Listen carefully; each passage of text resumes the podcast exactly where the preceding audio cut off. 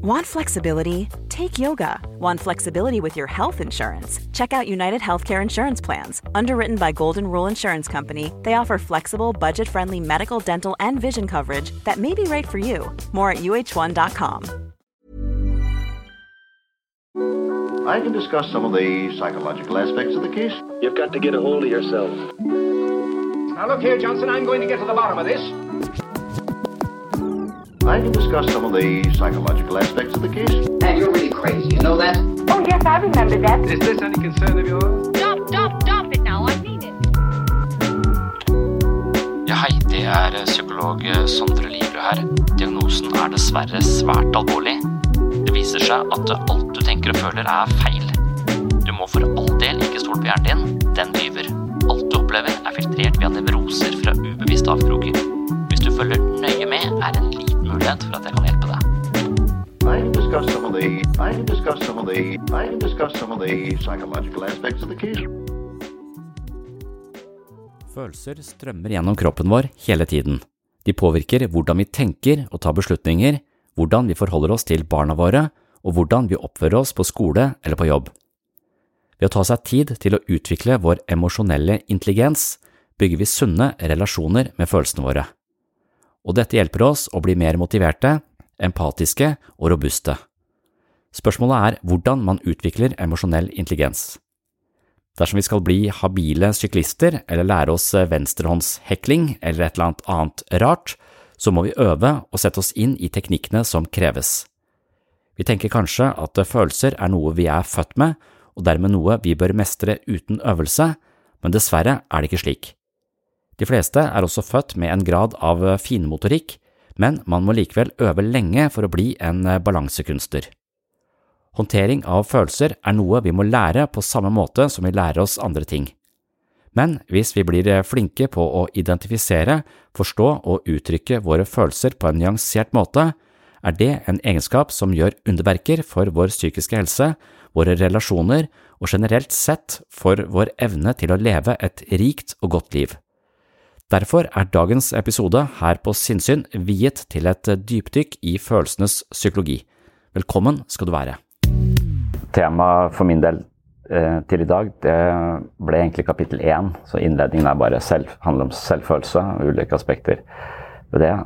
Og, mens første kapittel handler om eh, følelser. Det virker jo som om det er ganske sentralt for eh, oss mennesker å vite noe om. Fordi det er mye som tyder på at eh, vi har ganske mange følelser og ganske mange lag i følelsene våre. Ofte så har vi jo, som jeg snakket om, primærfølelser som vi har dømt som ikke sosialt akseptable. Så hvis man er lei seg, så tenker man at det kan man ikke være. Så skammer man seg for at man er lei seg.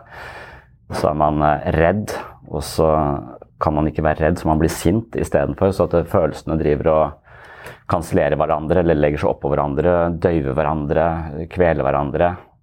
Og følelser og tanker Det er noe som, som man alltid tenkt at, at følelsene våre forkludrer måten vi tenker på. Men det er nok en litt sånn teori man har forlatt, da, fordi man tenker at enhver en enhver motivasjon, enhver initiativ fra et menneske, enhver motivasjon er en kombinasjon av både tanker og følelser. De jobber i tospann. De er ikke separate på noe som helst måte. Så der en, enhver reaksjon vi har, handler om en konglomerat av ulike følelser og tanker som uh, bygger opp under hverandre på en eller annen måte. Og det å forstå de ulike elementene i det, det kaller Brené Brown for følelsesmessig granularitet. Og da måtte jeg google granularitet, og det viser seg at det, det er rett og slett bare Jeg klarer ikke definisjonen, jeg har skrevet den opp, men, men at det, um, et stoff har flere ulike bestanddeler som man kan se, så det er ulike elementer som til sammen utgjør dette, dette stoffet. Og sånn er det nok med en følelsestilstand også. Og Brené Brown skriver boka 'Atlas of the Heart'. For etter at jeg skrev den boka om selvfølelse, så har jeg egentlig lest ganske mye Brené Brown. For jeg syns hun er ganske flink til å snakke om uh, følelser og gi meg et rikere språk på det. Og når hun skriver 'Atlas of the Heart', så presenterer hun 87 følelser. I selvfølelsens psykologi presenterer jeg 16. Og jeg trodde jeg hadde Altså, jeg visste jo det fantes flere, Men 87 følelser er ganske mange følelser. Og hvis jeg ikke vet at det finnes 87 følelser, det finnes sikkert 200 000, du kan sikkert eh, granulere det ned til så mange som, som mulig, men det å ha, ha kunne se alle de nyansene, det tror jeg vil være å ha et slags kompass eh, i livet sitt som man kan eh, orientere etter. Men når Brené Brown spør 7000 mennesker om hva de har følt det siste året, og ber de beskrive følelsene sine som de har vært igjennom det siste året, så svarer i gjennomsnitt altså 7000 mennesker svarer tre følelser. De har vært sinte, glad og lei seg. Det er det eh, språket mennesker Altså tre følelser nevner de. Når, de, når hun liksom virkelig ber de om å gå gjennom tenke hva slags følelser du har, så er det gjennomsnittssvar er tre. Så det står kanskje ikke så veldig sånn godt til med, med vår affektbevissthet, da. Eller uh, forståelse for nyansene i våre egne reaksjoner. Og Dermed så tror jeg vi ofte kan reagere med irritasjon uten å vite hvorfor, f.eks. Vi er bare irriterte, men vi, vi, forstår ikke dybden i den irritasjonen. Kanskje spesielt aktuelt i jula, hvor man ofte kommer hjem til familie som varter opp og kanskje lager ribbe og alt mulig sånn, og så det eneste man føler, er irritasjon og forbannelse, mens uh, man egentlig blir vart. Altså, så, det, så i utgangspunktet så virker det ikke som om denne reaksjonen min står i stil med den situasjonen jeg er i. Og det er nok fordi vi kanskje mangler litt av de Vi mangler kanskje historien, konteksten, alt dette, men, men det å ha et større konsept da, eh, og forståelse for oss selv i sånne, eh, sånne, situasjoner, det betyr at vi blir kjent med oss selv. Når vi ikke forstår det, så er vi jo fremmede for oss selv. Kroppen bare reagerer, vi kan ikke forstå uh, hvorfor. Og Sånn begynner boka til Brené Brown. Hun bare beskriver at de fleste mennesker lever som om de lever i et sånn skyggelandskap, helt mørkt rom, og så ser de et lys langt der borte, og det er dit de vil. og Så går de dit, men de snubler og faller, for de ser bare konturene av eh, det kuperte terrenget som er uh, foran de. Så de, de, ser rett og slett ikke uh, terrenget, og vil heller ikke da klare å nå, nå fram til lyset. Og hun ser det som et bilde på vårt indre liv. Vi vet ikke hva vi føler. Vi vet ikke hva de følelsene heter. Og når vi ikke vet hva de heter, så er det heller ikke synlig for oss. Så jeg har lurt litt på det om må vi ha språk? Må vi ha et rikt vokabular for å være affektbevisste? Eller kan man liksom bare forholde seg til følelsene sine på en kroppslig måte, da? For det er mange av disse fysioterapeutene sånn, eh, som, som, jobber her, som er mer sånn Ja, men det blir for intellektuelt å sette navn på, på, på følelsene. Følelsene er noe som er i kroppen. Jeg skjønner at de hører til i kroppen, men jeg tror likevel at det, den affektbevissthetsterapien, eller det som Brené Brown snakker om, det å ha følelsesmessig granularitet, klare å beskrive nyansene, er helt avgjørende for å skape en bro inn til et annet menneske. Så En annen sammenligning hun gjør, er at det, la oss si du går til fastlegen din da, og har så jævlig vondt i skuldra, og du bare, bare eh, stråler ned i armen. Og hvis du stråler ned i armen, så tror jeg det er en sånn med hjerte eller blodpropp eller et eller annet sånt faenskap. Jeg vet ikke, jeg har ikke googla akkurat det, men jeg ville tippe at jeg gikk dit først i eh, krisemaksimeringa mi. Og når jeg er på vei ned til fastlegen, så setter jeg inn på kontoret hans, og så skal du til å forklare det. Og så har du ingen, ikke språk i det hele tatt. Du kan ikke si noe om smerten, du kan bare peke. Så du bare peker mot overkroppen, så han begynner å undersøke magen din. Altså, det er på det nivået, når vi kan tre ord på følelser, og vi skal få hjelp til følelsesmessig smerte, så er det som å komme til fastlegen sin og, og være stum. Altså Hvis ikke du kan beskrive smerten som den er litt sånn stump, eller den er litt sånn trykkende, eller den er litt sånn prikkende, eller den er litt sånn sviende, eller den er litt sånn strålende altså vi, vi kan Ut ifra hvordan vi beskriver smerten, så kan vi få adekvat behandling. Hvis vi ikke kan beskrive smerten overhodet, så kan vi ikke få hjelp. Og Litt på samme måte kan det være i psykisk helsevern. Da. Hvis du ikke har noe språk på følelsene som foregår på innsiden, så kommer du i feil behandling, eller du, du, du, får ikke hjelp. Og du får ikke hjelp av eh, venner og bekjente heller. Du får ikke det du trenger, for du klarer ikke å uttrykke behovene dine. Så derfor så gir det, Når jeg leser om følelser, så gir det meg mening. Altså, ja, faen, jeg må forstå flere nyanser. Jeg kan ikke bare si ha disse store kategoriene som at jeg er eh, irritert, og, og, og la det være med det. Jeg må, må ha en slags bevissthet rundt, eh, rundt disse, disse nyansene.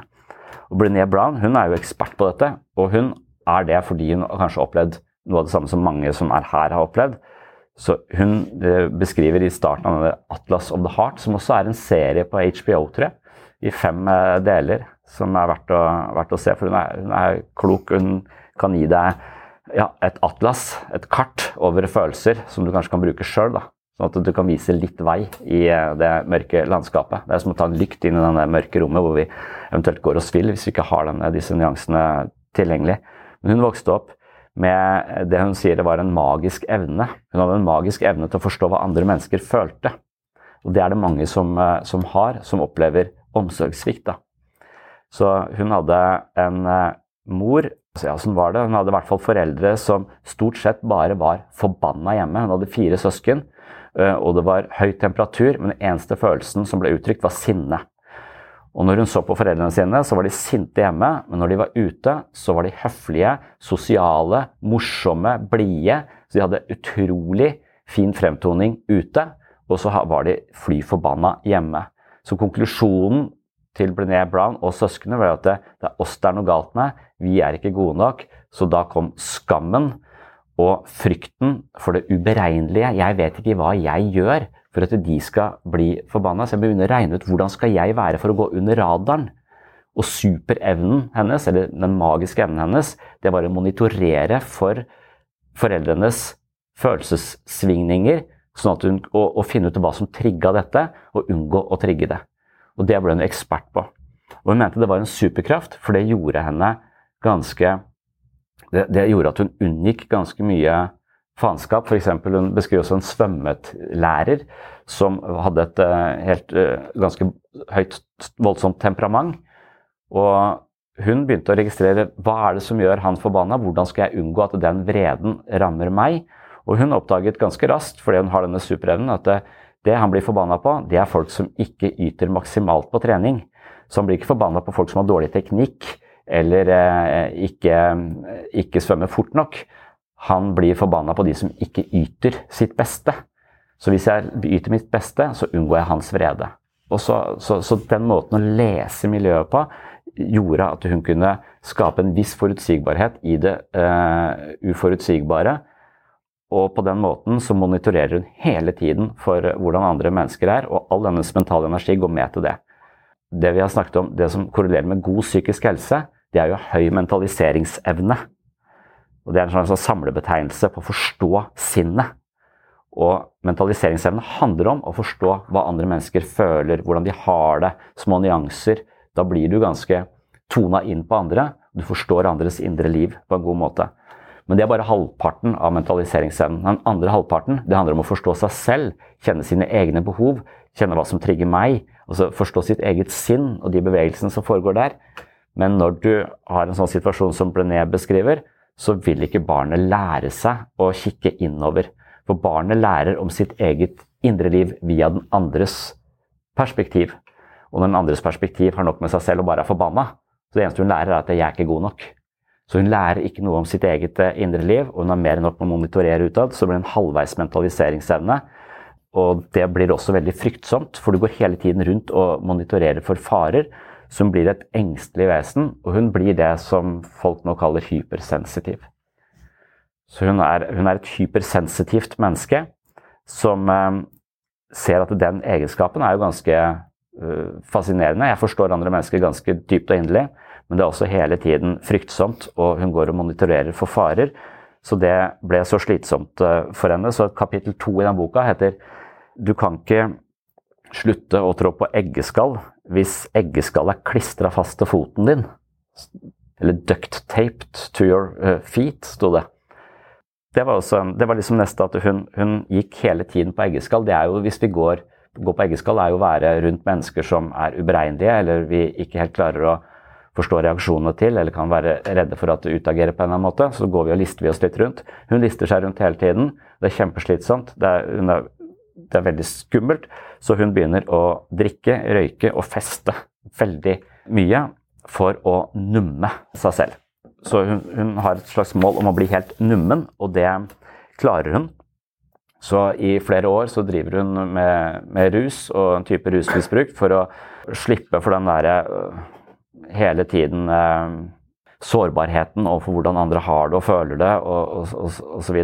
Det fungerer en periode, men så skjønner hun også at det, det ødelegger superkraften min. Nå er andre mennesker uklare for meg. Hele livet mitt er egentlig ganske blurry, så jeg har ikke lenger denne magiske evnen. Så hun vil ha tilbake den magiske evnen sin.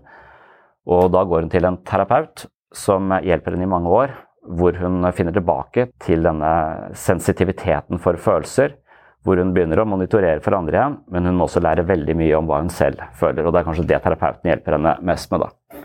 Så lenge hun ikke kjenner seg selv, så kan hun ikke sette grenser, f.eks. Det har vært et stort problem eh, for henne. Og så lenge hun ikke kjenner seg selv, så går hun også til fastlegen uten språk. Så lenge hun ikke kjenner seg selv og sine egne følelser, så kan hun ikke si noe til andre mennesker om hva hun trenger. Og dermed så er hun også totalt ensom i, i verden. Så hun må lære å forstå seg selv, og hun, også, og hun må også tåle den sårbarheten som ligger i å forstå andre, eh, andre mennesker. Og så fungerer det ganske greit. Hun får tilbake denne superkraften, og den superkraften har jo gitt henne en enorm karriere. Hun er en av de mest berømte terapeutene i verden. Så det har blitt karrieren hennes, men det har også blitt liksom veien ut til et, eh, til et mer rikt liv. Og det er jo sårbarhet og skam som er hennes sånn hovedtematikk ofte. Det har vi snakket om eh, ganske mange ganger før her. Så når hun da skriver en bok om 87 følelser, så og når jeg begynner å tenke på hvor mange følelser har jeg det, hatt det siste året, så ble jeg litt sånn stum hos fastlegen, jeg òg. Vet ikke helt uh, hva, jeg skal, hva, jeg skal, si, eller hva, hvordan jeg skal kjenne, kjenne, etter.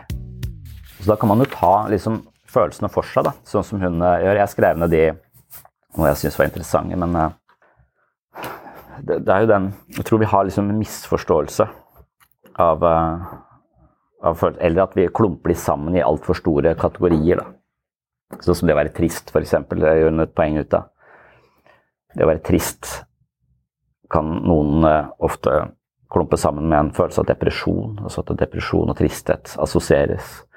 Og hvis man da kjenner på tristhet, så, så tenker man at det er en tilstand som eh, er eh, psykiatrisk, og noe som man ikke skal ha. Mens tristhet er jo en reaksjon ofte på et tap eller nederlag eller noe sånt. Og det er kanskje en av de viktigste følelsene vi har. Det er en viktig del av det å være et menneske. og Tristhet er også utgangspunktet for en form for empati, altså fordi vi alle har kjent på tristhet. Og, og vi kan gjenkjenne den følelsen av oss andre også. Når vi kan gjenkjenne den, så kan vi også Da er det den broa over til, eh, til, til det andre mennesket. Så det å føle seg trist, det er å la seg selv liksom føle at vi lever og er knytta til andre mennesker. Uten tristhet så betyr ikke ting eh, noe.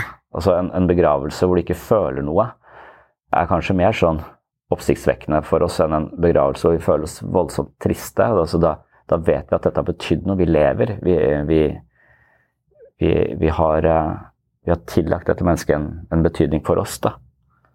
Det gjør oss, Tristhet gjør oss mer følsomme for omgivelsene våre, og vi elsker jo triste filmer, på en måte, for det kobler oss på fellesskapet, det kobler oss på andre, andre mennesker.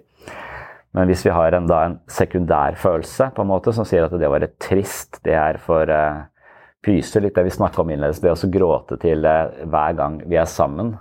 Det er, det er ikke trist. Det jo, det er ofte det er de triste historiene blanda med den gode avslutningen og musikken som frigjorde de fra den vonde barndommen og, og alt, alt, det der. Også, men jo, vi liker jo å se det fordi, vi, fordi det kobler oss til mennesket på en varm måte, tror jeg. Problemet blir jo når det er regissert, så lenge det ikke er ekte. Altså, det er litt det jeg tror vi ser her ved i terapi også, at noen mennesker forteller hjerteskjærende historier om seg selv, og så føler man ingenting. Fordi det er bare en, en fortelling, det er ikke en følelse knytta til det. Det er ikke en ekte følelse av triste tap, sorg der. Så den, den er bare noe man sier uten at man har noe kontakt med følelsen, og da virker det ikke helt. Det virker ikke ekte. Og da begynner vi ofte å tenke på andre ting, eller blir uengasjerte. Så hver gang vi møtes, kan kanskje av og til føles litt sånn, da. Og spesielt sånne realityshow hvor folk forteller en eller annen trist historie om livet sitt, og derfor har jeg valgt å synge halleluja. Altså, det, det, det, kan være ekte, og det kan være uekte, men jeg tror vi merker det i magen. Da. Så det, det, er kanskje det også som, som er eh, Å være emosjonelt intelligent må være å ha tilgang til følelsene sine, men også vite hva de følelsene heter. For jeg vet hva følelsen heter, så vil den ikke så kan jeg si navnet på den. Og når jeg sier navnet på den, så vil den ikke overvelde meg. da, for med en gang jeg ser følelsen, så er den synlig i det mørke rommet. da. Der er den eh, følelsen av eh, tilkortkommenhet. Der er den følelsen av sjalusi. Nå ser jeg den. Men hvis du ikke ser den, så snubler du i den. Og det er å bli overvelda av følelser. så Derfor så trenger vi språket for å se de. Men vi kan også bruke språket til å ikke være følelsen så mye at vi distanserer oss helt. Det kalles intellektualisering. Da gjør vi følelseslivet vårt om til et intellektuelt prosjekt. Vi har ikke noe kontakt med det igjen. Vi står helt utenfor og føler det ikke. Så det er den kombinasjonen av venstre og høyre hjernehalvdel. Det er jo ofte den høyre som, eh, som står for eh, det emosjonelle, og den venstre som er den, som er, hvor språket ligger. Og det å koble et, et nyansert språk på følelsene som treffer, da tror jeg vi føles som å være i pakt med, med, oss selv. Og da blir det ikke et, et, skuespill. Så da kan jo det være en del av det å ha et rikt språk, samtidig som vi klarer å føle følelsen. Og jeg tror kanskje det er det skuespillere klarer innimellom. Altså Gode skuespillere de tror jeg har tilgang på følelsen, så de kan mane frem følelsen i filmen. Sånn at det ikke bare blir 'jeg later som jeg har denne følelsen', jeg har faktisk denne følelsen. Og at det er det de må. Mens norsk film på 80-tallet så klarte de ikke å mane frem følelsen. De bare lata som de hadde følelsen. Og vi bare Hva faen er dette for noe weird å, å, å, å, se på? Så jeg, jeg tror det var det den derre skuespillerskolen oppdaget på et eller annet tidspunkt at vi, vi er nødt til å føle det vi skal uh, vise. Hvis ikke så funker det ikke. Da blir det døden på Oslo S. Faen, Pelle! Jeg fikser ikke. Mora mi er så sprø. Jeg tror ikke at det er så jævlig ålreit at du ringer meg. Ålreit å prate med deg. Det hadde vært jævlig deilig med et bad. Ålreite jenter. Det går an å preike med. Hvis vi sover så er det greit. Bare det ikke blir bråk. Det fikser jeg ikke, ass. Blir du jævlig forbanna hvis Hvis vi bare sover sammen? At vi ikke Jeg mener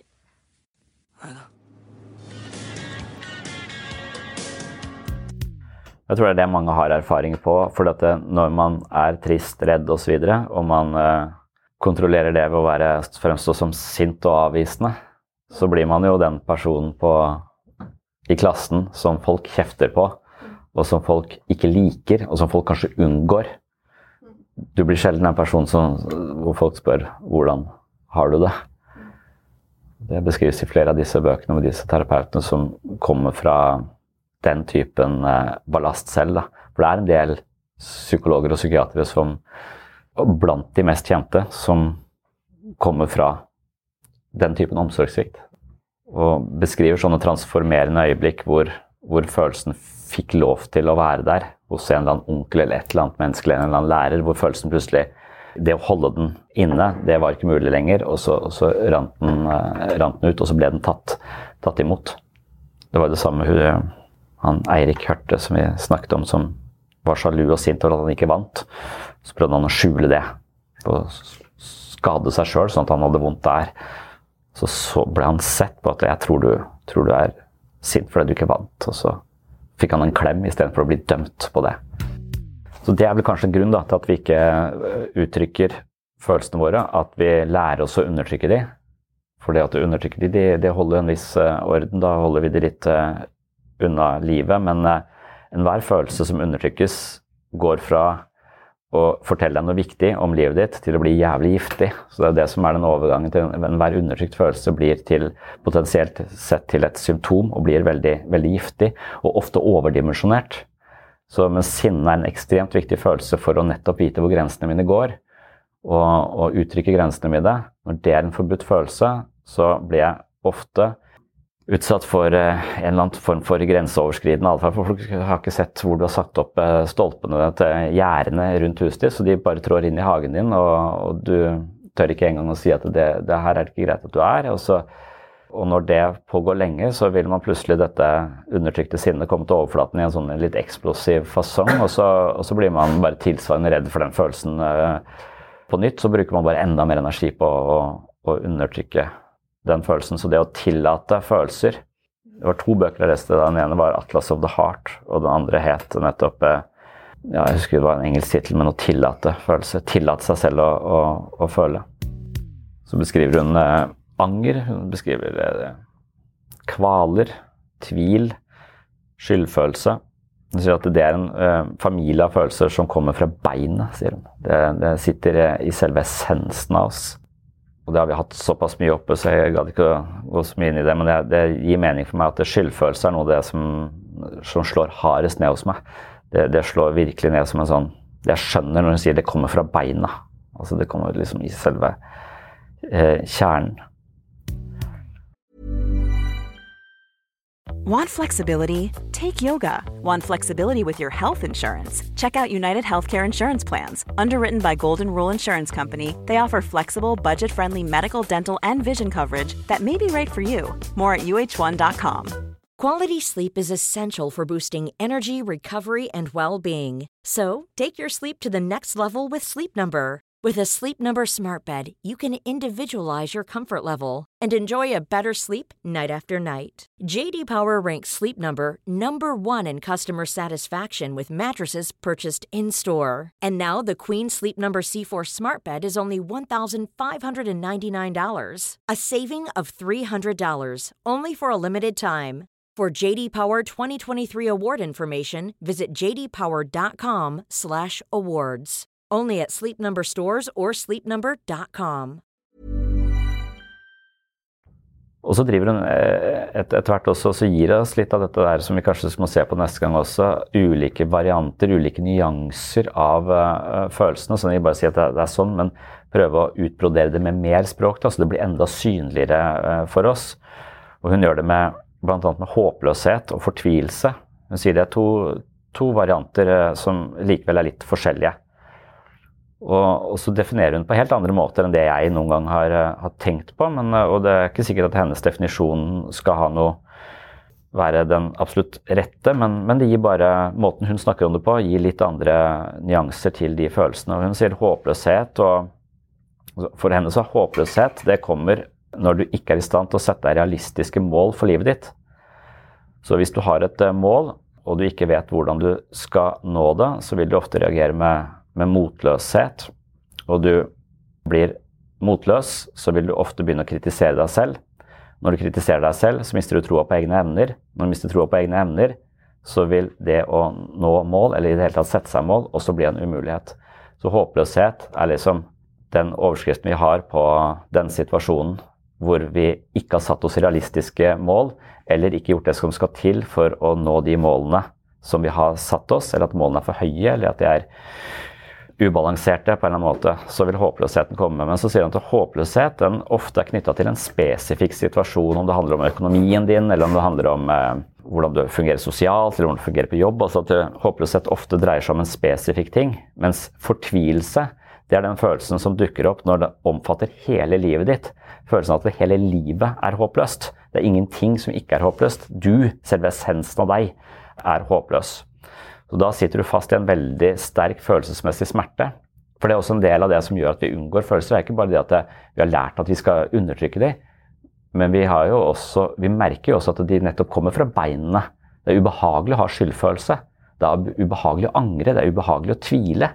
Men likevel så, så er det ubehag et signal, ikke noe som er feil, ikke noe vi skal vekk. Altså vi, men vi har en tendens til å prøve å unngå den typen ubehag, og dermed ikke se på kompasset, og dermed leve i et mørkt rom. Altså livet vårt blir et, blir et mørkt, mørkt, rom. Fortvilelsen da, som, som, en sånn følelse av at alt er håpløst. Jeg er uh, håpløs. Da har du ikke heller noe tro på egne evner. ikke sant? Du, alt du har prøvd på, har du mislykkes, så du bare kritiserer deg selv. Gjerne uh, har veldig lite komfortabel med det å prøve og feile, som er en sentral del av det å være et menneske. Altså, Jeg vil ikke prøve på noe, for hvis jeg mislykkes, så, så kommer den vonde følelsen av motløshet. Så, så, når man ikke tåler følelser, vil man også prøve å unngå å ha de følelsene. Når man unngår å prøve å nå målene sine, så vil man jo per definisjon eh, havne i en eller annen sirup, stillstand, eh, apati og meningsløshet. Så, så, vi setter oss enten urealistiske mål som vi ikke klarer å nå, motløshet, selvkritikk, fortvilelse. Til slutt, livet mitt er helt håpløst.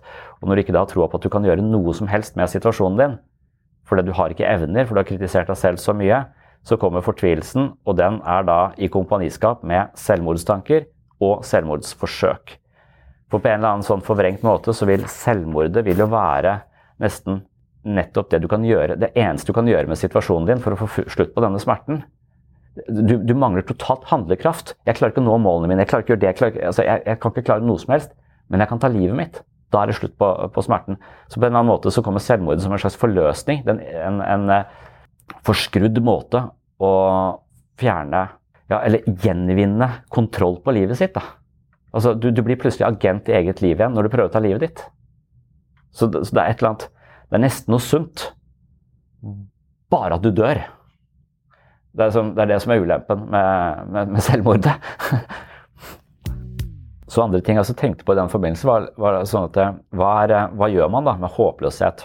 Da er det mange sånne litt enkle selvhjelpstips. Og så er det også sånne ting som for Brené Brown hun sier at det, håpløshet, det som kontrer håpløshet, er håp. Det lå litt sånn åpenbart i ordet, for håp uten løshet vil jo vil være litt det motsatte håpløshet. Og for da å bekjempe håpløshet og fortvilelse, så må vi starte med håp. Og for mange så er håp en litt sånn varm og diffus uh, følelse. Men ifølge henne så er ikke håp en følelse, det er en egenskap. Det er noe man kan lære seg. Det er derfor jeg mente det er følelsesmessig granularitet. Da, at det er mange nyanser. Det er både tanker og følelser i enhver, i enhver situasjon, i enhver sinnstilstand. Bebor utrolig mange forskjellige elementer. Og det å se alle de nyansene, det vil kanskje være veien til å, å, regulere seg selv på en passe måte. Da. For Hvis det er overveldende håpløshet, så er det håp som ikke nødvendigvis er en følelse, men, men, som rett og slett er noe Det å være håpefull er en ferdighet. Og det å være håpefull, ifølge henne, skal du ta ned til Håpefull kommer av å kunne sette seg realistiske mål og finne ut hvordan man når de målene og tro på sine egne evner. Håp kommer fra å møte motgang og oppdage at du kan være robust i møte med den. For å lære eh, håpefullhet, så må du trene på å sette deg mål som du faktisk kan nå. Ja, det er det enkle man ofte gjør i sånn målsettingsgruppe her. Også at ja, jeg vil bli frisk. Det er et jævlig hårete mål, eller jeg, jeg vet ikke. Men så ofte så, så, vil mange være på det der ja, men jeg må skalere det ned. Jeg må finne en eller annen konkret ting med en konkret målsetting som er innenfor det. Og så, og så bygge uh, altså Rett og slett praktisere. Og for meg så er det ofte litt sånn ah, det er litt banalt. Det er sånn, men når jeg ser det som en slags uh, treningsøkt da, du, Jeg trener på håpefullhet. Jeg trener på å bli et mer håpefullt menneske. For hvis jeg er god på håpefullhet, så kan håpefullhet bli et karaktertrekk. Altså det er en egenskap. Uh, og hvis jeg har mye håpefullhet, så vil jeg også kunne håndtere de fleste innslag av håpløshet på en mye bedre måte. Og det er altså sånn Noen snakker om states og traits. En state det er en innslag av en følelse. En følelse vil alltid komme, og så vil den gå. Følelser er, er tilstander. Men så har du noe som kanskje er mer som en, som en karaktertrekk. Som er mer som en bærebjelke, som er mer sånn, eh, mindre flyktig og mer, eh, mer, bastant. Og det kaller vi kanskje egenskaper. Jeg vet ikke om vi skal si at det er følelser eller at det er tanker, eller, eller hva det er for noe. Men det er noe som, som understøtter ulike følelser. Og det er noen egenskaper som kan regulere ned enkelte følelser. Og så er det noen eh, egenskaper som kan regulere opp enkelte følelser. Så hvis du er flink på å se det verste som kan skje hele tiden, f.eks., så er du nok flink på å generere ganske mye håpløshet og motløshet. Og i den boka så intervjuer hun en fyr blant annet, som, som eh, alltid har tenkt på alt det verste som kan skje, og har den samme ideen som mange av oss har, at det å forestille seg at ting går til helvete, det gjør oss forberedt når det faktisk går til helvete. Og så skjer det verste med han som han kunne tenke seg, at kona hans dør. Og så oppdaget han at all den forberedelsen han har brukt hele livet på, det var helt nytteløst. Det hjalp han ingenting når kona faktisk døde. Det eneste som hadde skjedd, var at han ikke hadde klart å koble seg på kona og vært til stede i øyeblikkene når hun faktisk levde. Så den, det var uh, spill av uh, mental energi. Da. Men at det da, det finnes støttefunksjoner til ulike følelser som kan kontre de, og at vi må trene, trene på de. Én ting er disse håpløshet og sånn, og så har du også de positive, positive følelsene. Som jeg også tenker er, eh, var interessant å se på i den, i den forbindelse. For hun snakker om lykke, hun snakker om glede. Og lykke har vi snakket om mange ganger her om. Lykke er jo et stort forskningsfelt og veldig uenige om hva det dreier seg om. Og Det spiller ikke noen rolle om de ikke har en fast definisjon av lykke. for Hver gang noen kommer på et nytt perspektiv på lykke, så tror jeg det bare kan øke eh, granulariteten i den enkelte av oss. Da. At vi kan forstå flere elementer i det. Og som Brené Brown beskriver det, så er eh, lykke mer som et karaktertrekk. Det er ikke en følelse. Jeg har tenkt på lykke som en lykkerus, men det mener hun er glede, eller joy, som hun sier. Så lykke for henne, det er mer et karaktertrekk, og det er en egenskap, eller en del av den vi er. Og det handler om en mer sånn vedvarende følelse som vanligvis kommer som et resultat av at du føler kontroll på livet ditt. Så det å være lykkelig, det er å ha en viss grad av mestring, forutsigbarhet og kontroll på det man foretar seg i løpet av en uke, i løpet av et år, i løpet av fem år. da. Så lykke gjør uh, ifølge henne at vi fokuserer på oss selv eller våre egne prestasjoner. Så lykke handler om meg og min kontroll på mitt liv. Og hvis jeg har stor kontroll på mitt liv, forutsigbarhet, så vil jeg oppleve en grad en undertone av lykke. Det ga gjenklang i meg. Altså, jeg likte forutsigbarheten, jeg liker rutinene, for det gjør meg lykkelig. Lykke er ikke en euforisk følelse for meg, det er bare en slags tilfredshet i bånn. Som kanskje også er et springbrett for andre mer positive følelser. Så jeg liker å arrangere livet mitt sånn at jeg mestrer det og at jeg har kontroll på det. For flere og flere barn så fucker de opp lykken. Altså, jeg blir mindre lykkelig av barn, samtidig som det tilfører noe helt annet på helt andre, andre områder. Og så får jeg kontroll på situasjonen min selv med barn. Og da blir jeg tilsvarende mer lykkelig, for da blir det nesten sånn det å mestre Derfor så tenker jeg lykke er litt, på et eller annet litt rettferdig eller urettferdig. Altså Noen er født med jævlig vanskelige situasjoner. Noen kan ikke gå, noen, noen blir lamme. Altså noen, men de som da klarer å mestre den typen situasjoner og få kontroll på livet sitt til tross for jævlig mye utfordringer, de kan nok ha en kraftigere bærebjelke av lykke i bånn der. da. Selv om livet deres dypest sett er mye vanskeligere i andres liv, så kan det godt være at de har en, en gjennomgripende eller underliggende følelse av lykke som er sterkere enn andre som, som får det kommet lettere. Så, så lykke var, var, interessant for meg, for jeg har trodd av og til at det kanskje handler om eh, at det er sånn Det kommer i små blaff, og det er ikke noe vi skal jakte etter, for det kommer og det går, liksom. Men, eh, mens det mener hun er glede. For glede kommer med sånn plutselig, uten forvarsel. Og den er kort, den er flyktig, eh, og den har veldig høy intensitet. Så når du snakker om glede, så er det en eufori, nærmest. Og lyk, den her lykken orienterer oss mot oss selv og våre, våre egne prestasjoner. Gleden orienterer oss ut mot andre. Det er knytta til andre mennesker, det er knytta til Gud, eller det er knytta til universet, eller det er knytta til en kjæreste. Altså glede er eh, utadvendt. Og det får oss til å føle oss frie, levende, våkne. Det er eh, intenst behagelig. Og det ledsages ofte av to ting som vi da kan trene opp. Enten så føler du deg takknemlig når du har en sånn euforisk følelse av glede, eller så tenker du 'fy faen, det her kan jeg miste'. Og så dreper du den gleden umiddelbart. Og det kaller hun illevarslende glede. Så for mange så mener hun det er nærmest en slags modus operandi, en slags refleks. At lykke er noe vi Eller nei, glede, denne euforifølelsen, er noe vi kveler så fort den dukker opp. Fordi den eh, ikke illustrerer noe annet enn muligheten for å miste det vi da er knytta til. Og det kjenner jeg igjen, for jeg kan stå på natta og se på barna mine. Og så føles det en varm, varm følelse av vanvittig kjærlighet og, glede knytta til de. Og så tenker jeg å, de kan bli daudsjuke.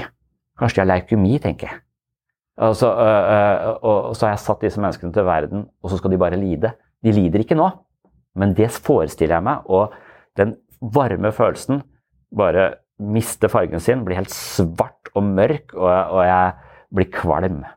Så, så, så, der ser jeg at det Og da er det Da mener hun igjen altså her er det visse støttespillere til ulike følelser som kan, eh, som kan være med på å og, og, hvis jeg eh, praktiserer takknemlighet, så er sjansen for at jeg klarer å beholde følelsen av glede på natta der, mye større. At jeg klarer å holde den lenger. La oss si jeg klarer å holde den fra fem sekunder til ti sekunder. Da. Det er faen meg dobbelt så mye glede ti sekunder, og så kan jeg gå over i, i krisemaksimering. Tenke at dette går til helvete, og du kommer aldri til å klare å stå på beina hvis du mister de, f.eks. Eller et eller annet sånt. Så takknemlighet er en følelse som, som Eller er, er, en slags egenskap som folk praktiserer ved å skrive takknemlighet. Fokusere på ting de er takknemlige på. Få hjernen til å gå i det sporet av takknemlighet, for det vil kunne understøtte en følelse av glede. Og folk som i utgangspunktet er ganske mye glade, de er ofte også mer takknemlige. Og folk som er flinke til å være takknemlige, de vil få flere blaff av glede. Og de vil vare lenger. Så la oss trene den egenskapen for å regulere opp den typen uh, følelser. Og Det er ikke sikkert alle har det sånn, men dette demonstrerer noen av disse, uh, denne følelsesmessige granulariteten hvor ulike elementer jobber sammen og understøtter hverandre. Ethvert menneske har liksom forskjellig grad av uh, spontanitet og, og, behov for kontroll. Og jeg tror at hvis du, hvis du, er spontan, og kan være spontan, så er det fordi du i utgangspunktet har en type mestringstro. Sånn at du, du vil ikke tenke 'oi, denne sosiale situasjonen' det, det, blir kleint eller det blir vanskelig. eller hvordan, så, så, lenge du har noen av de elementene, så vil jo dette her eh, Men, men da handler det om mestringstro i den, den, situasjonen. Det kan også handle om grensesetting for noen. ikke sant? Det å hevde seg selv og uttrykke sine behov. Hvis du er en person som ikke overhodet klarer å uttrykke behov og er redd for å såre andre hver gang du sier noe om dine eh, ønsker, så vil et besøk kanskje være en katastrofe, for vedkommende kommer til å bli så lenge at du rekker ikke flyet til Gran Canaria, og du klarer ikke å si fra. Så da gikk, eh, gikk 40 eh, 000 kroner rett i dass fordi du måtte sitte der og drikke kaffe, og du turte ikke å si at vedkommende må gå.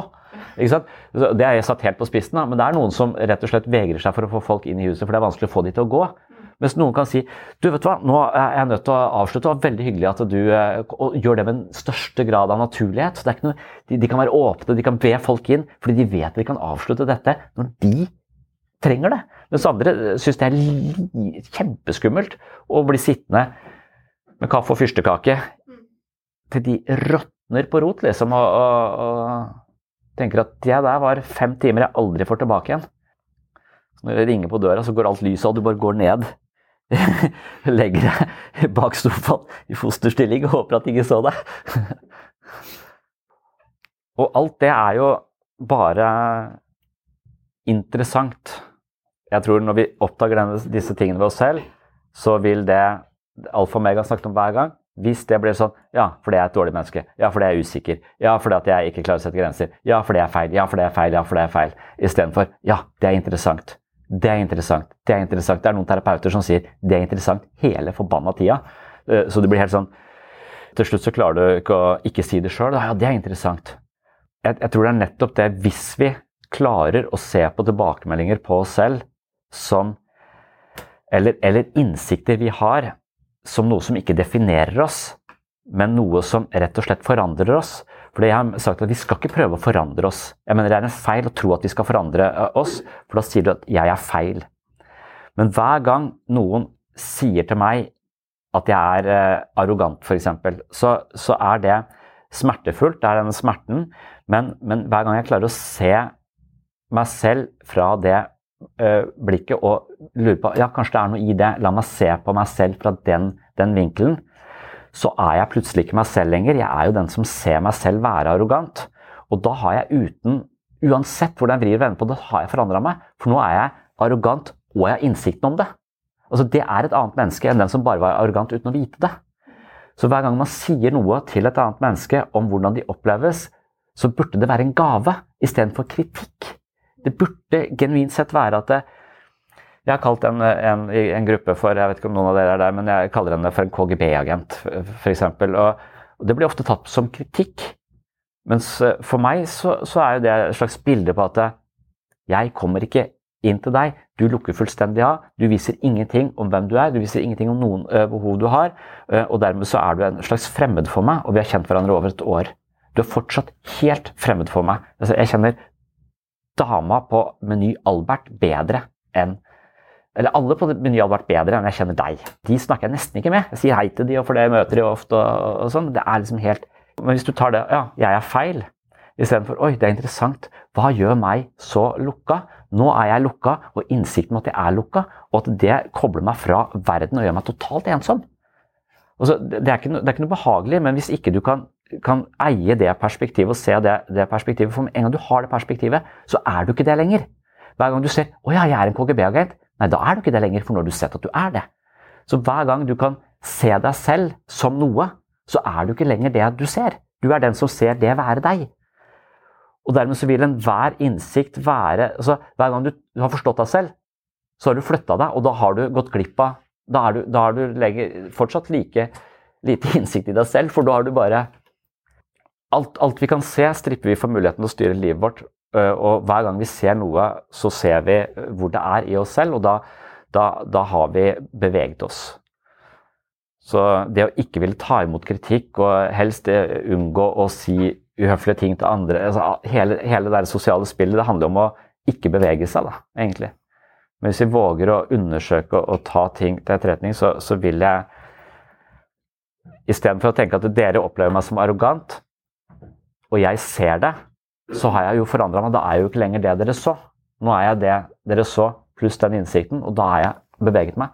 Jeg er fortsatt sikkert en del av de mønstrene igjen, men jeg er et helt annet, et helt annet sted fordi jeg ble gjort oppmerksom på det.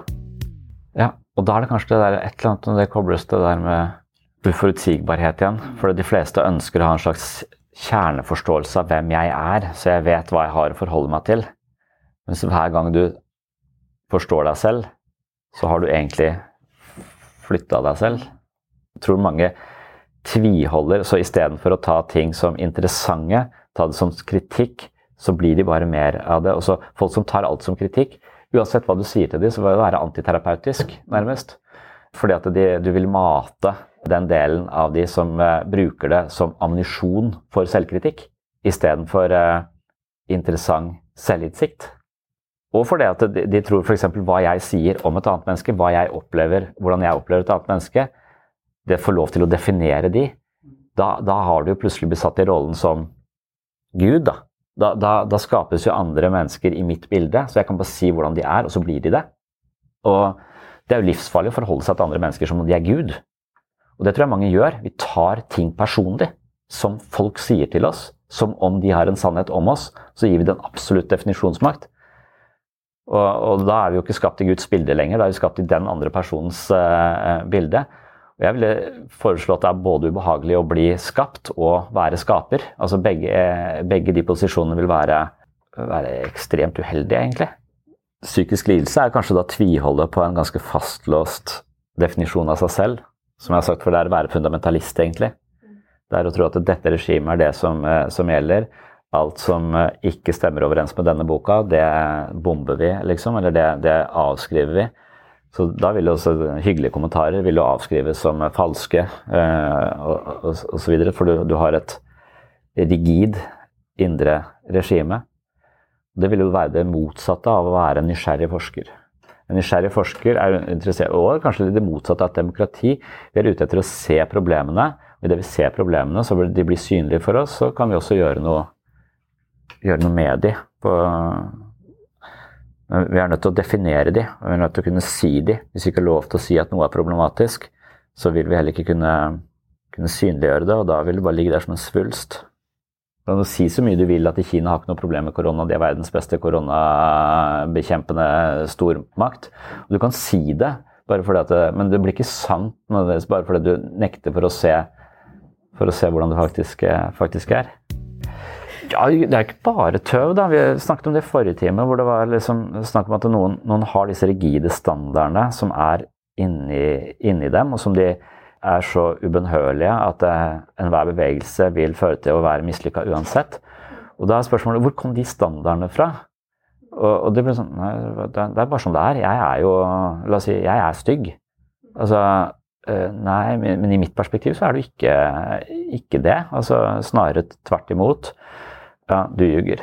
Eh, altså bare sånn helt eh, Men hvor kommer disse standardene fra? De kommer jo fra samværet med andre mennesker, og de fleste av oss vil jo justere standardene våre. ikke sant? Vi vil ha fleksible standarder, sånn at standardene vil gå litt opp og ned. Altså Noen ganger så stiller jeg høye krav til meg selv innenfor trening. Andre ganger så har jeg en helt annen livssituasjon hvor, eh, hvor jeg ikke slår meg selv i hodet bare fordi jeg ikke når de samme, når de samme standardene. Og noen mennesker virker som eh, er totalt lukka for innspill, så de holder standardene sine uansett. Så det ligner, en, det ligner på å være på en øy hvor du er diktator, men du har ingen andre å bestemme over. Så de strenge reglene er det kun du selv som følger. Eh, og da er det sånn, Hva er vitsen med å følge de jævla strenge reglene hvis ikke jeg vet ikke hva Vitsen med å være diktator er å kontrollere alle andre så du kan ha det bra sjøl. Mens her er det bare diktator, én streng stemme, og det går bare utover meg, for det bor ingen andre på denne øya. Og hvis du hadde vokst opp på den øya uten å ha vært i kontakt med noen andre mennesker, hvordan hadde standarden dine vært da? Når hadde du stått opp? Når hadde du lagt deg? Hva slags uh, liv hadde du egentlig hatt? Altså, alt vi forholder oss til, er jo ut ifra at vi har sammenlignet oss med andre på en eller annen måte.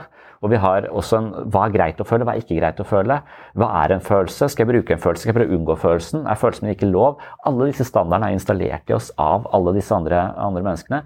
Og jeg har inntrykk av at en del mennesker jeg møter, de bor på disse øyene. De har jævlig strenge standarder. De syns uh, veldig dårlig om seg selv fordi de har lukka seg nesten som en sånn kristent samfunn som er totalt lukka, hvor de kommer liksom ut i verden og får hva, hva er TV? Altså, det er sånn Amish nærmest. ikke sant? Så, du bor likevel her på planeten, men du har liksom ikke noe kontakt med omverdenen. Og noen lever sånn fordi de bare stenger det helt ute. Men så har de vært på en ekskursjon tidlig i livet, og det var til Nord-Korea. Liksom, og det er de standardene de fikk med seg hjem på øya si. Og så etter det så har de bare levd etter, etter de. Og ethvert eh, innspill fra andre oppleves som en trussel mot uh, regimet. Ja, det er lov til å føle. Nei, det er ikke lov til å, altså, All erfaring min tilsier at det å føle, da blir jeg latterliggjort, da blir jeg lei meg, så blir jeg bare, får jeg kjeft. altså, det er ikke noe Vi har ikke noe erfaringsgrunnlag på at det, det er greit. Og så blir det bare nesten irriterende når sånne folk som Brené Brown kommer og sier at de skal ha emotional revolution. Det syns jeg er dritkleint sjøl. Blir for, for uh, suppete, men uh, men jeg, jeg syns det er klokt å prøve å se flere og flere nivåer. Se hvilke følelser jeg absolutt ikke tillater, hvorfor jeg ikke tillater de. Hvorfor de er så og, For da slipper du plutselig bare bli irritert uten at du veit hvorfor. Men hva er liksom galt med sånne sånn som Martin Selingvann, som har en uh, positiv psykologi? Hvorfor, sånn som jeg reagerer negativt på hans selvhjelpstips i den forstand at han sier ja, når du overveldes av fortvilelse eller håpløshet, så må du huske på de tre p-ene. Og de tre p-ene det passer ikke på norsk. Det er personalization, permanence og pervasiveness. Så det betyr rett og slett bare at når du overveldes av følelser, så er det første du tar ting personlig. Så personalization det er den første p-en. Og da skal du stille deg selv følgende spørsmål. Handler denne situasjonen virkelig om meg? Hvilke eksterne faktorer kan være med på å spille en rolle i denne situasjonen som jeg ikke har gjort regnskap for akkurat nå? Altså, du, du stryker på en eksamen. Jeg er et udugelig menneske. Altså, Handler dette egentlig om deg, eller handler det om at moren din har vært syk, og du har vært på sykehus hele tiden, du har ikke fått lest? Altså, hva, hva er, handler om deg, hva handler ikke om deg? Veldig ofte så vil overveldelse av følelser nettopp oss, uh, gi oss skylapper, og vi leser verden på en uh, Eller vi leser kartet på en veldig unyansert måte, fordi vi har ikke noen nyanser i de, i de situasjonene. Så undersøk om du tar ting personlig. Det er også det som altså Det er det du ikke må gjøre i terapi. Du må ikke ta ting personlig. Altså, du må ta ting som interessant, et nytt perspektiv på meg. Det definerer ikke meg, men det er noe jeg kan se på. Kanskje det kan eh, eh bevege meg, kanskje jeg kan se noe. Og med en gang jeg har sett det, så er ikke det lenger. Så det er ikke så farlig å, å, å se det. Så du har den nysgjerrigheten på det istedenfor at å, sånn er jeg, jeg er feil, jeg er sånn. Så ikke ta ting personlig. Jævlig godt råd generelt sett, men også i, eh, spesielt i psykoterapi. Og så er det dette med varighet, permanence.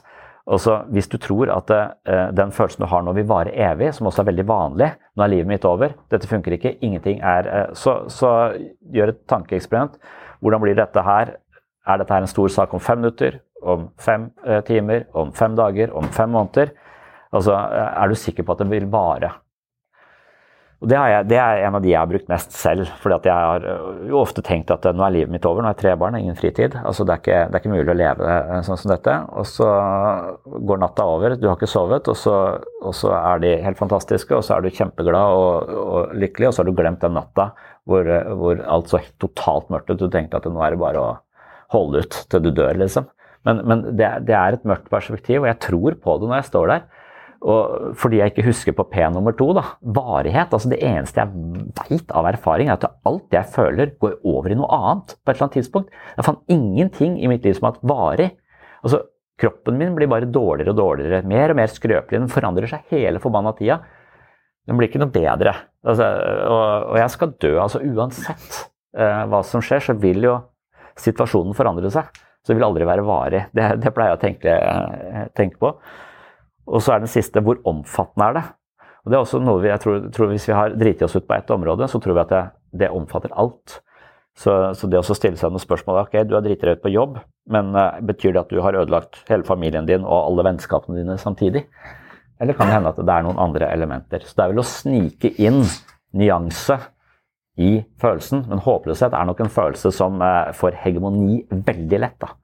Det er som en eh, som diktator du tror på, liksom. Det, det, det, må være sant. Så da er det et sånt tips. Husk de tre p-ene hver gang du oversvømmes av eh, en eller annen følelse. Men for meg så, så er det sånn Ja, det er lett å si, vil folk eh, ofte si. Det er lett å si, men det er ikke så lett. Så, så hva er egentlig lett, eller hva er egentlig psykologi da, hvis ikke det er sånne uh, mentale triks? Hadde det vært det som å løfte vekter i fem minutter, så hadde det liksom Da hadde jeg, det kunne jeg forholdt meg til på en veldig sånn enkel måte, da. Men jeg skal stoppe opp og tenke på de tre p-ene, som ikke lar seg oversette til norsk engang. For det blir jo PVO på norsk, det kan jeg ikke huske engang. Hvordan skal, det, hvordan skal jeg kunne bruke det til noe? Og det er kanskje det som jeg hadde opptatt at vi kan gjøre litt i de neste, neste gangene her. At vi kan ta med oss de øvelsene. For hvis fokus er på følelser og nyanser i følelser i løpet av en uke, og vi hører den delen av kapitlet allerede nå til neste gang, så har vi kanskje hatt i bakhodet. Og da har det kanskje fått lov til å modnes på en eller annen måte. Også, og den første episoden er veldig lang, det tror jeg er en time, men så kan det jo være bare ti minutter. Så det ikke bli så jævlig lenge. Og så kan vi se, ok, så det var uh, utfordringen denne gang. Funker dette? Har det noe som helst uh, verdi? Og når vi gjorde dette forrige gang, så hadde det det for meg. Altså når jeg begynte å tenke på følelser og de pene og, og, og så videre, så, så unngikk jeg å utagere på en fyr som kjefta på meg på, på Meny, husker jeg.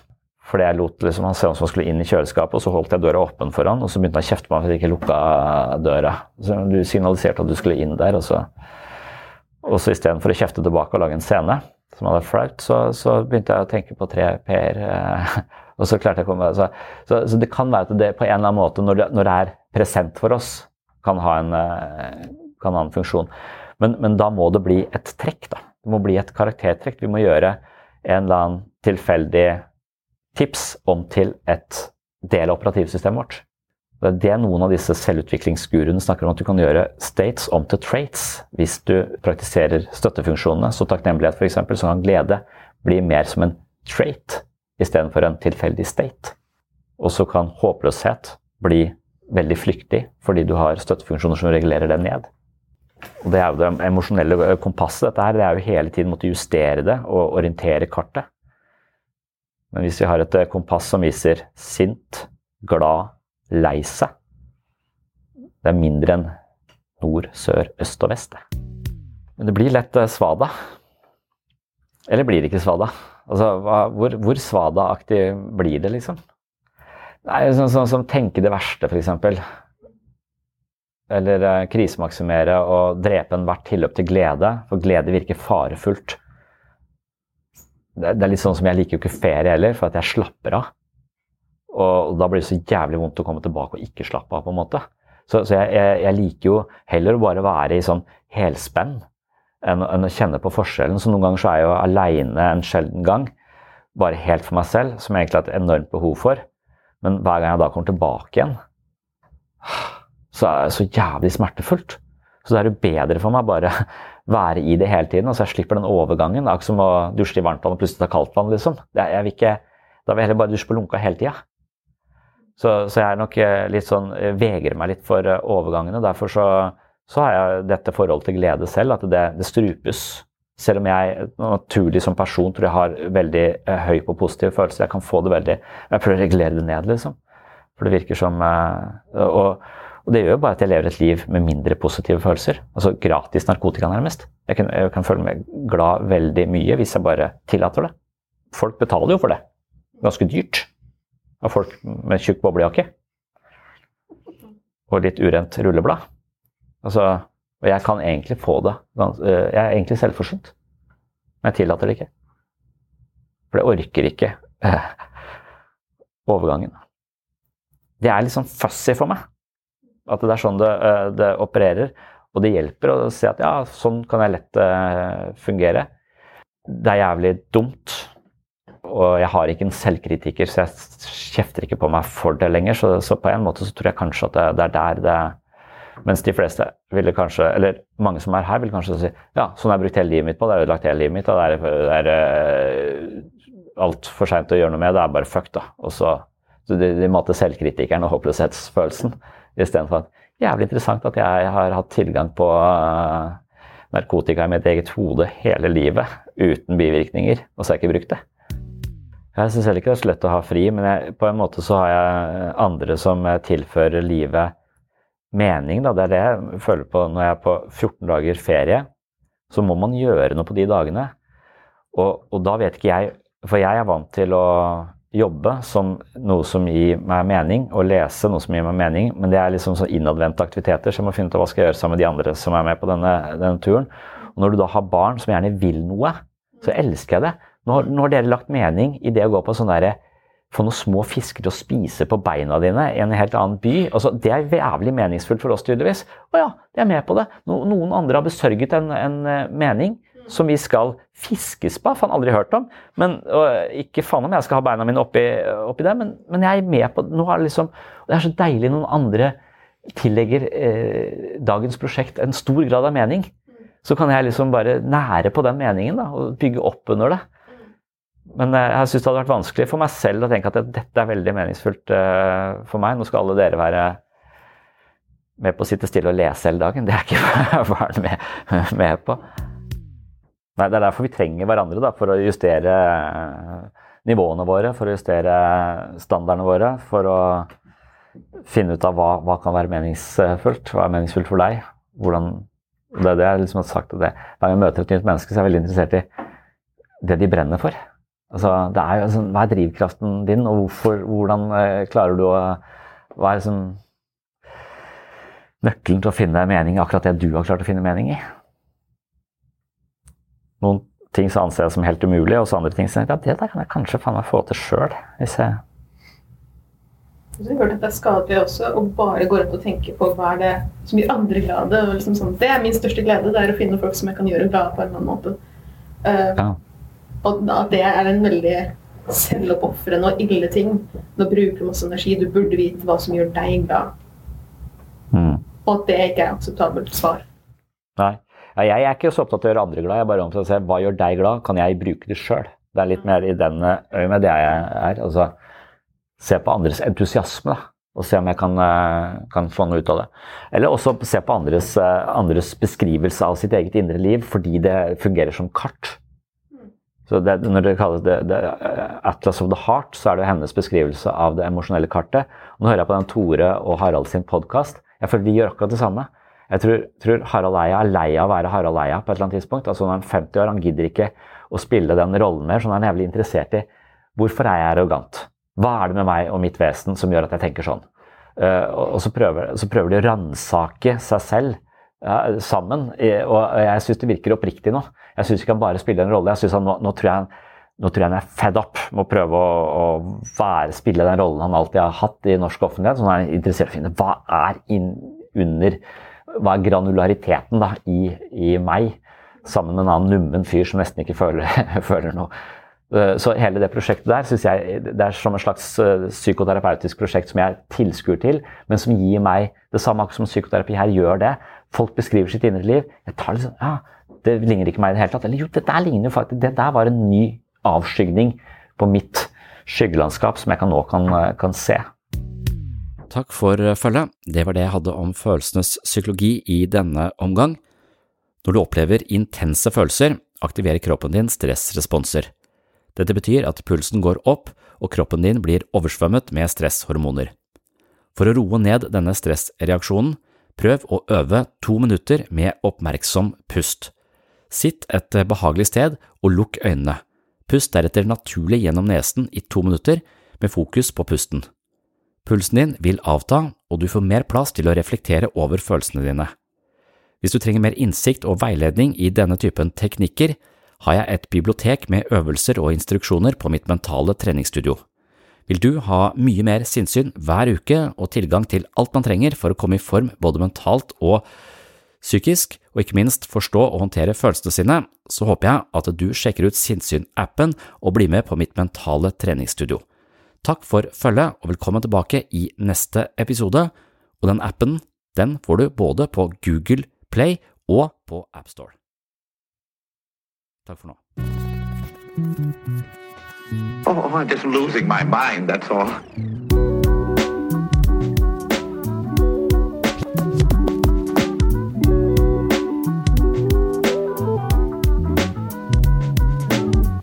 Discuss some of the I can discuss some of the I can discuss some of the psychological aspects of the case. Psycho, psycho, psychological aspects.